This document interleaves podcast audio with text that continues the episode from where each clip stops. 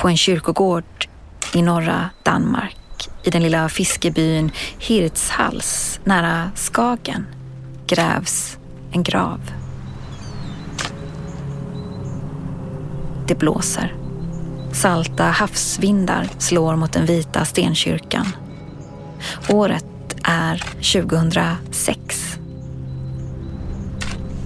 Det är lätt att gräva här. Jorden består till största delen av sand, som den ofta gör så här nära havet i Danmark. Och så vidt jeg husker, var det en fredag, at begravelsen skulle finde sted. Det är en ung pojke, blott 16 år, som ska begravas här. Det, man graver altid gra- en grav dagen før.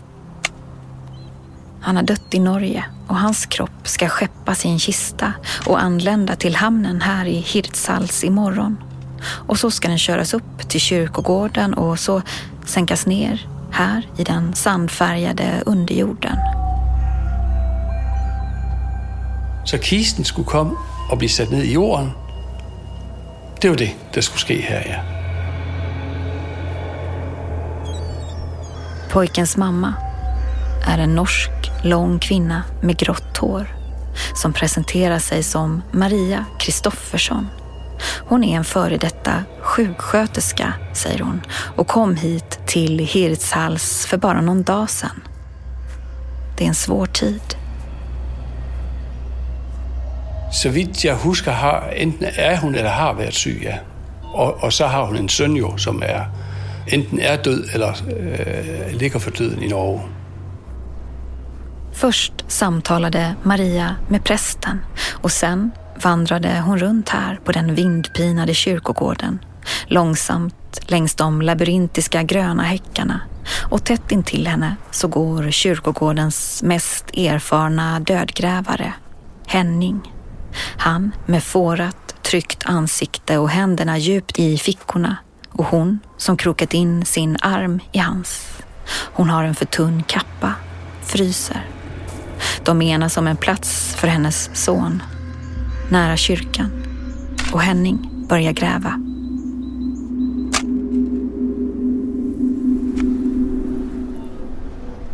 Dagen efter står graven klar, gapande och redo mot himlen med utlagda kistrep. Pastorn glömmer det aldrig.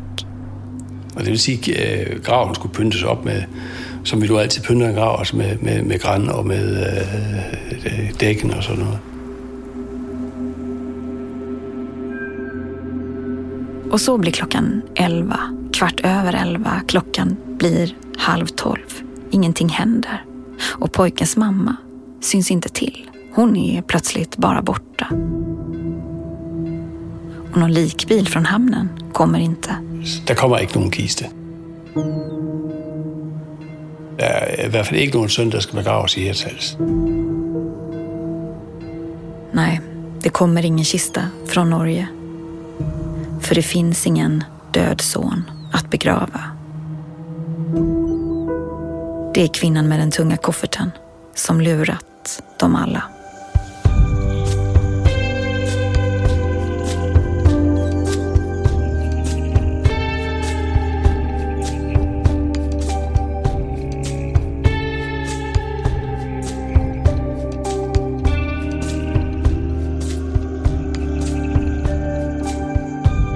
Third Studio presenterar Kvinnan med den tunga kofferten. En serie i åtta delar baserad på en originalidé av Christer Moltsen. Programmet är gjort av Sara Lundin och David Mer. Och så här, vi släpper ett avsnitt i veckan av den här serien. Men vill du höra alltihop redan nu? Då kan du bli prenumerant hos oss. Det kostar 49 kronor i månaden. Då stöttar du vår journalistik och så får du också tillgång till alla andra program som vi gör. Gå in på thirdear.studio och teckna en prenumeration. Eller läs mer i avsnittsbeskrivningen. Nu börjar vi. Del 6. En tom grav.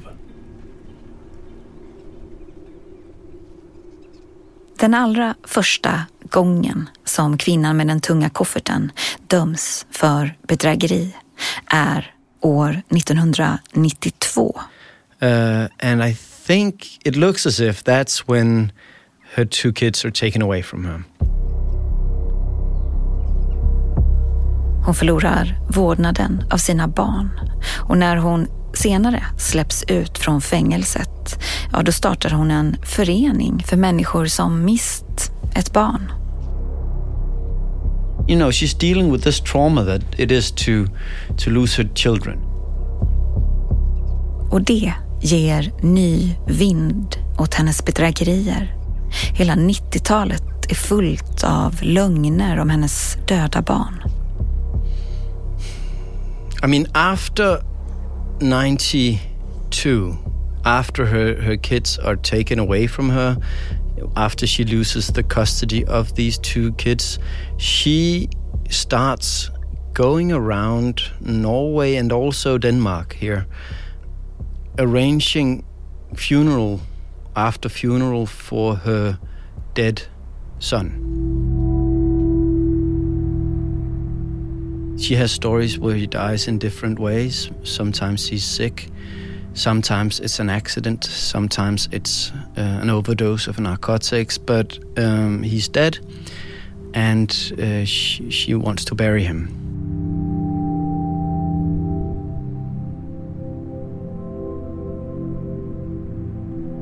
It um, it's it's a pretty obvious idea that this is um, something she does to to mourn the, the, the loss of her two kids, not to death, but f- to uh, the authorities, right? Um, this is some kind of self therapy or some kind of coping with this loss that is very real, right? I mean, she had two, two, two, two sons and now she doesn't. And then it's not enough to bury him once. I mean, she, she just keeps on burying him. In 91, 92, 93, it, she goes around burying him again and again. But in 92, in Denmark, there's no money involved from everything that I can kind of find out, eh, there's she never actually gets money out of it. So after 10 years or maybe less, maybe after 5 or 7 years of of burying her, her, her son again and again, there's a pause in it and then she picks up this what we call the the son in a box routine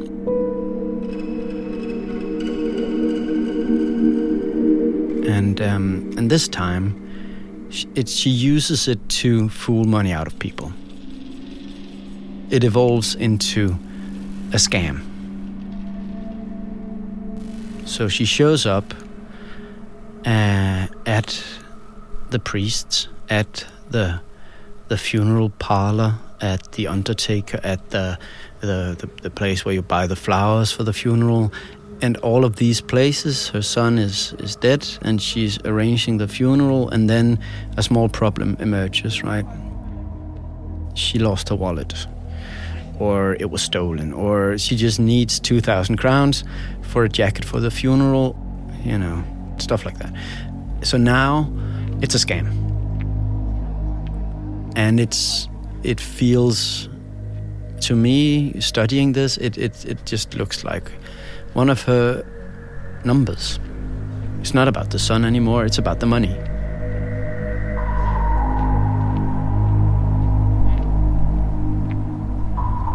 It just it's it's it's so effective, right? Of course it works. You you show up, your son is dead, and now you need to bury him. And by the way you're sick. I mean she's sick herself with cancer so she she needs a grave where she can be buried next to him right?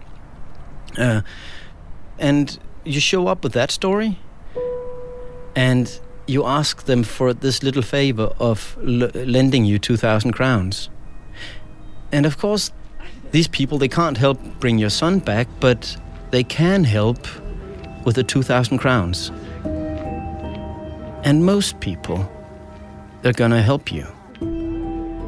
Because, you know, that's what they can do for you. it works. It just works. And it works every time. Of course, she's to come back to that.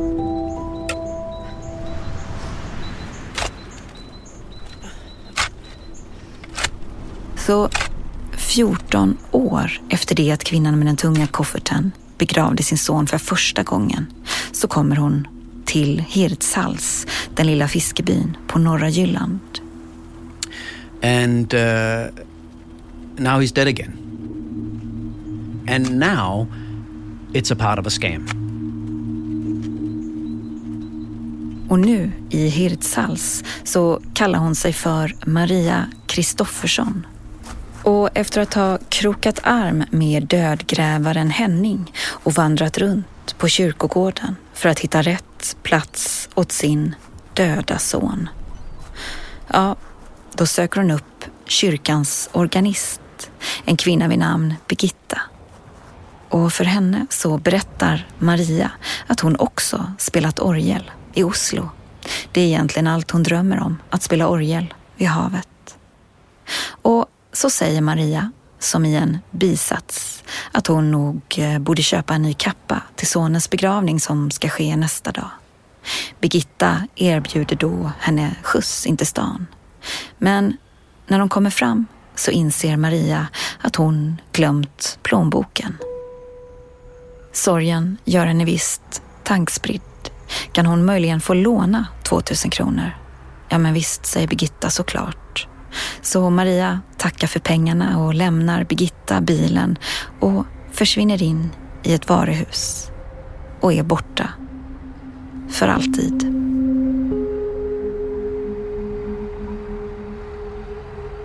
And at this point, she is running like five different of these son in a box routines.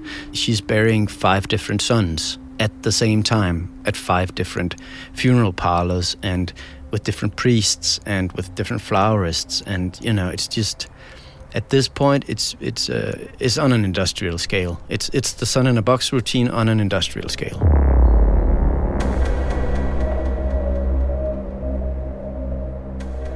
And then in sorry, I mean, it's it's just so that, th- this is of course this is wild and bizarre, of course, and and and also you know so tragic and I mean she's she's so fucking efficient.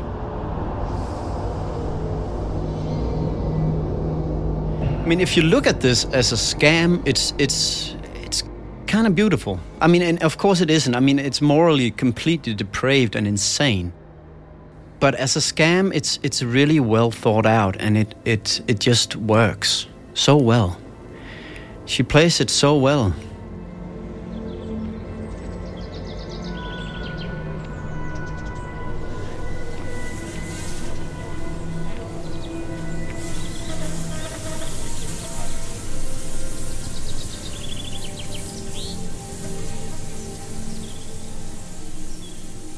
Sommaren 1992 på en ambulanscentral i norska Lilleström. På innergården står chauffören Leif och tvättar en rödvit ambulans. Solen skiner och tvålen löddrar och han är lycklig den här sommaren, Leif. Da var livet mitt bra, for jeg var eh, gift. Jeg hadde ett barn, jeg hadde barn nummer to underveis. Alt var bare helt fryd og gammen. Och så plötsligt den här sommardagen så kommer en kvinna ut på gården. Hon går mot Leif. Kjekk jente, eller dame, vil jeg påstå. Hun var, hadde utseendet med seg. Kvinnan är klädd i vita sjukhusbyxor och vit rock. Hon går fram till Leif, sträcker fram sin hand, presenterar sig som Inger Hansen, barnmorska på praktik. Och så säger hon att Leifs chef vill att hon ska vara med ambulansförarna några dagar för att träna på akut medicin. Så for å få litt akuttmedisinsk eh, føling.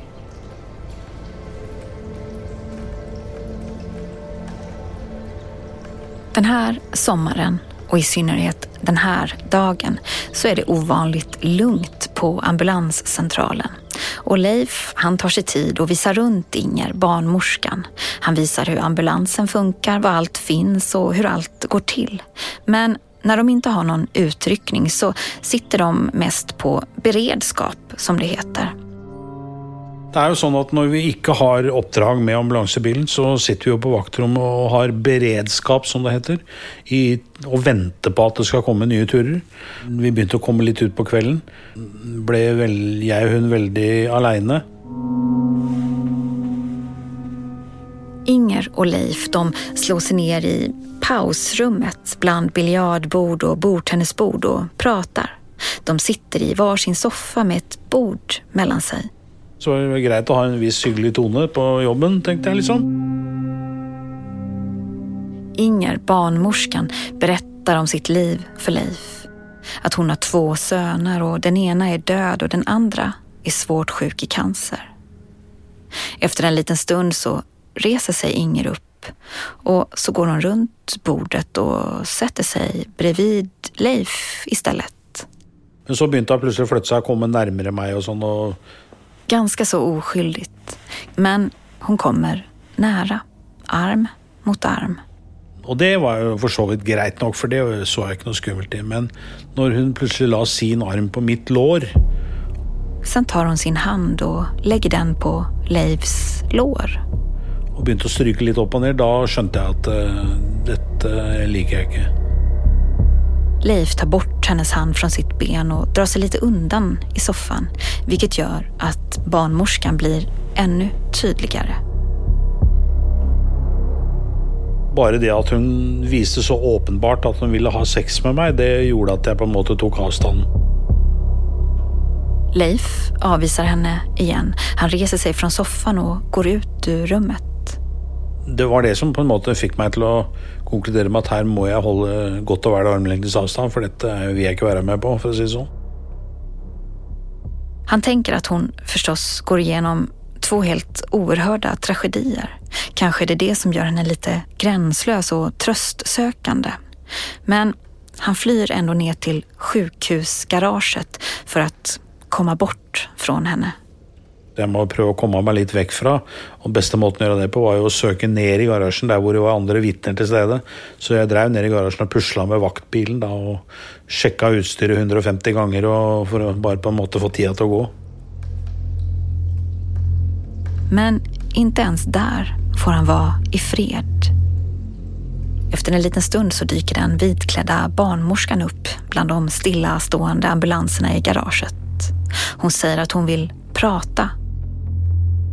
Og så begynte hun verbalt da liksom å forsiktig antyde at vi kunne jo ha det fint sammen. Nå som vi hadde blitt kjent og greier. Leif är avvisande. Og det plaga tydeligvis veldig, for hun var veldig sånn Hver gang hun fikk sjansen og hadde meg på tomannshånd, så skulle hun prate og skulle prate og skulle prate. Så jeg, vi har jo ikke noe å prate om, vi, sier jeg. Har ikke noe å prate om. Men barnmorskan är envis. Hon går mot Leif och ställer sig nära. Till slut så blir han faktiskt så obekväm att han kliver in i en av ambulanserna, slår igen dörren och låser in sig. Jag låste mig in i bilen, för att säga det så kom inte till mig in i bilen. Jag satte på låsen från insidan så dörren var stängd. Han stannar kvar där hela natten i ambulansen.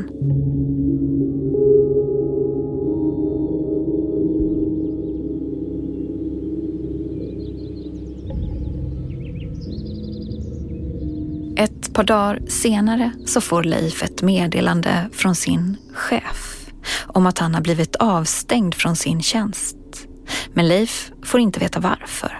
Så han ringer runt men får inga svar. Liksom, ja, hvor og hvorfor og så videre sånn. Omsider så kom det jo fram da at jeg var anmeldt for voldtekt av denne damen, denne hun Inger Hansen. Inger Hansen, barnmorskan som var under utbildning, har anklagat Leif för våldtäkt. Og da blei jeg så perpleks at jeg blei helt stum. Leif blir chockad. Han stapplar ner i sin källare och smäller igen dörren och tänker att nu, nu är livet kört. Jag gick rätt i källaren med ett smäll och tänkte hur i all världen ska jag komma upp på benen igen och ut av detta i levande liv och i det med, med ett bra liv liksom. Nu går livet till helvete.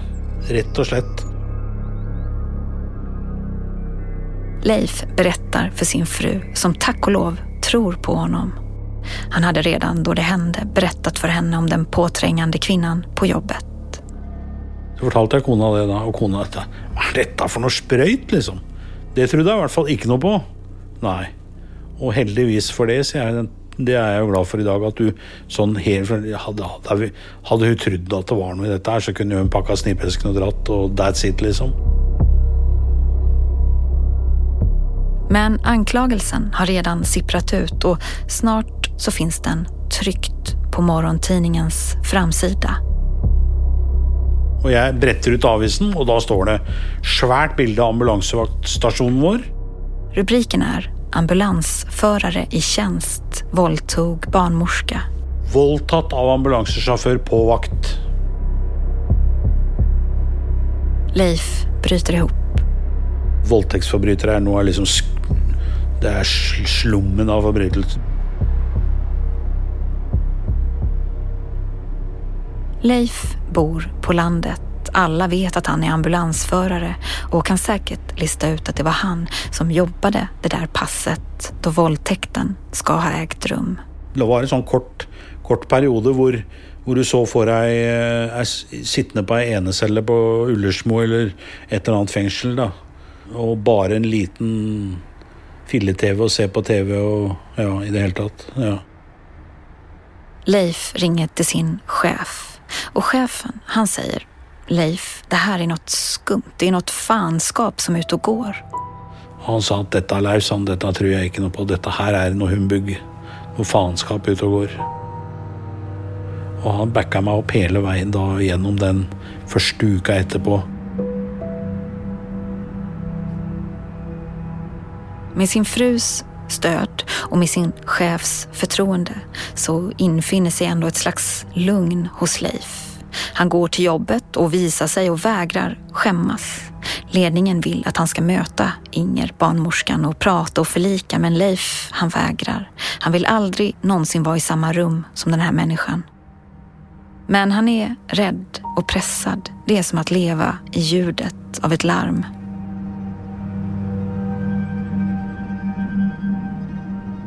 Vad sker nu liksom? Jag, kommer jag ut av detta med benen i riktig riktning någon gång? Eller blir jag dömd nedenom och hem? Eller vad sker?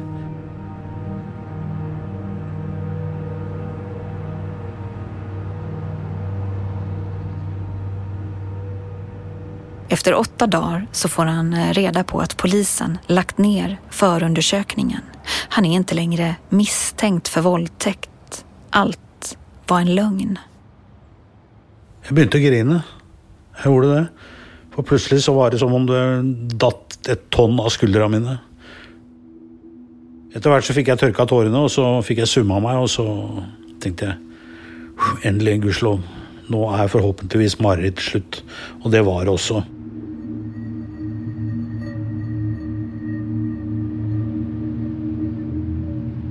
Det här är den första våldtäktsanklagelsen, så vitt vi vet, som kvinnan med den tunga kofferten gör. Men det är inte den sista. Vid åtminstone 20 tillfällen framöver så kommer hon hävda att hon blivit våldtagen. Men ingen av anklagelserna leder till fällande dom. You know, I can't say that she's never been raped. I mean, I, I don't know. She's been living, uh, you know, a drifter life for uh, 30, 40 years uh, as a woman. So, uh, you know, stuff could have happened to her. But what I, I need to say is that these court cases where she is accusing people of raping her, almost always she admits in court that that was a lie. And in the few instances she doesn't, these men there are acquitted uh, and they are the courts tell me that there's nothing to to this rape charge.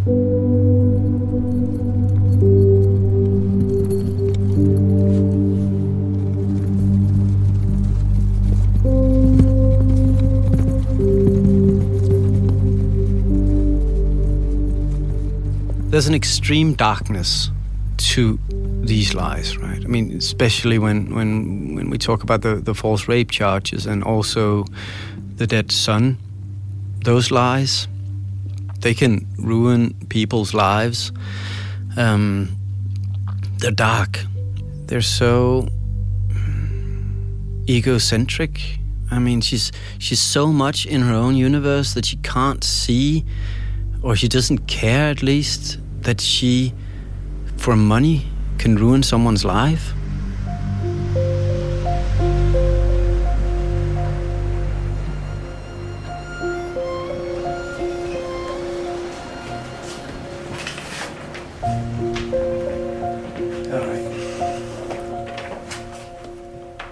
Godt.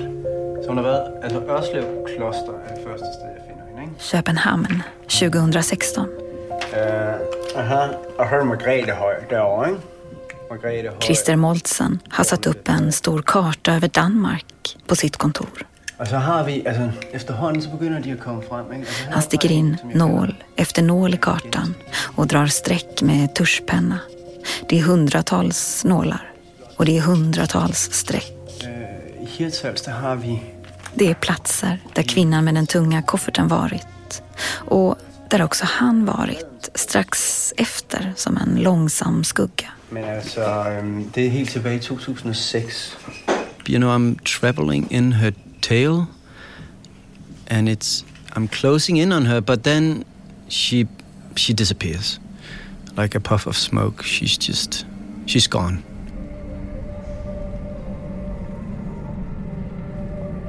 Hon har rört sig snabbt, kvinnan med kofferten, i alla väderstreck, hit och dit, land och rike runt. Øh, og så er hun på Fyn i Ringe i november 15. Och bakom varje liten nål på kartan så finns en historia och ett eller flera offer. Och Christer, han har träffat nästan alla. Men det er jeg altså ikke sikker på. Og så tror jeg også, at hun har været på et slot. Präster, diakoner, dödgrävare, frisörer och sjömän. jeg er ved at, altså, ved at have et overblik. Men så plötsligt stannar allt. Spåren slutar. Det är som om hon slukats av jorden. Det blir så tyst och tomt. I was getting closer, and then all of a sudden, my leads they just went cold. So she was, she was gone for months. I hear nothing. Øh, og, og så hun i omkring Køge et par steder. Har den, der hedder Barnebarn. I was just, uh, you know, I was going slightly mad. Og, hvor vi også har den, der hedder En god handel. Han är stressad. you know, just endless, endless planning of, uh, of, of how to get to her, right? How to find her. Jeg er ved at, altså, ved at have et overblik. Deadline för Christers poddserie om kvinnan med den tunga kofferten närmar sig. Snart ska den publiceras för den danska tidningen Politiken. Och han har ingen aning om vart hon har tagit vägen eller hur serien ska sluta. Uh, that was, of course, also stressful, right? We had no idea where this was going, but we were busy, um, you know, producing the first episodes of this and putting them out. And then Serien blir vida uppmärksammad i både Danmark och Norge. Och efter att något avsnitt släppts, då, då börjar det hända saker. um, we start getting messages from people uh, who has seen her, seen someone they think might be her in Copenhagen, right around where our office was, where she had stayed in a hotel. I mean, that hotel, I, I, I looked at it every morning when I parked my bike. It's, it's that close. And she had been there um, a few days ago. Velkommen til Emdrup Kirke. De har nu følgende valgmuligheder. Tast 1 for præsten. Tast 2 for sovnemedhjælperen.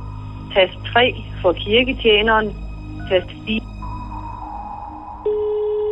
Och så, så får Christer ett mejl från en präst i en kyrka utanför Köpenhamn. Han ringer upp. Richard Johansson, som är kirketjänare derude, har mødt hende. Jeg ringer til ham nu. Ja, det er Rikard Emdrup Kirke. Du, du, har, du har mødt Maria Madeleine Larsen. Ja.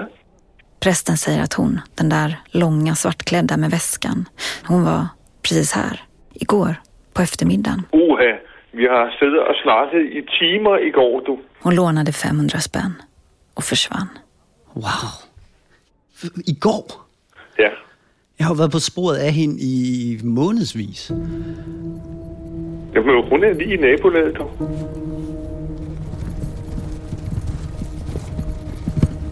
This, for the first time ever, this happened yesterday. Right. So I know she's in Copenhagen.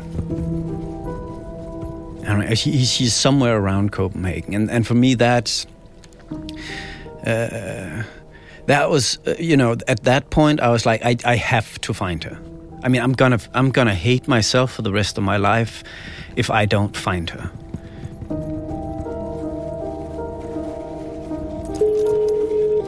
Så hun var, her- hun var her nogle gange, ikke? Ja, jeg tænkte nok, de ville måne ud i det spørgsmål. Har du set hende?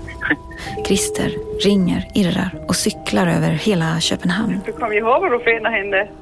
Till kyrkor och härbergen, vandrarhem och campingplatser. Ställen som han vet att hon brukar söka sig till. Yeah, I was, I was possessed by her that day.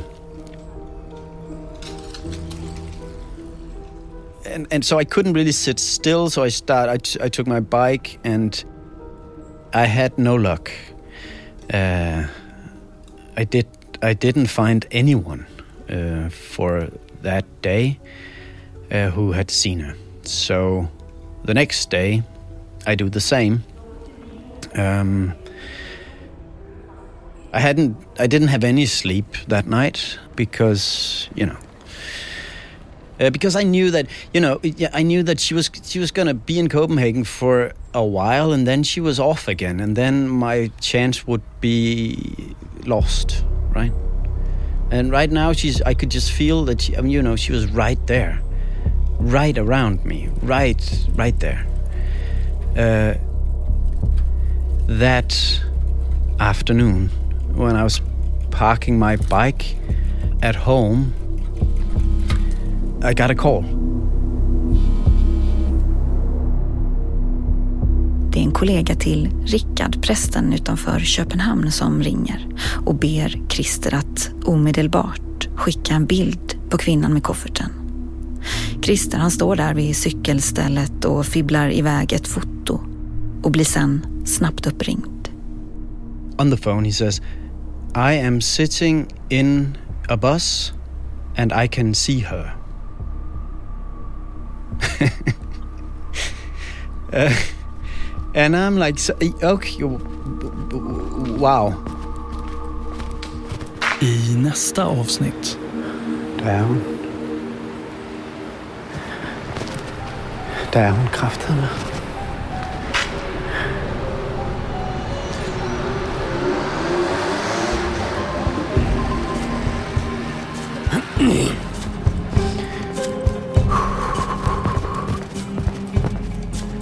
hört den sjätte delen av Kvinnan med den tunga kofferten av Sara Lundin. Producerat av David Mer. Den här serien är baserad på det danska originalet Kvinnan med den tunga koffert och är ett samarbete mellan oss på Third Year Studio i Sverige och våra kollegor Christer Moltsen i Danmark och Lars Christian Överland i Norge.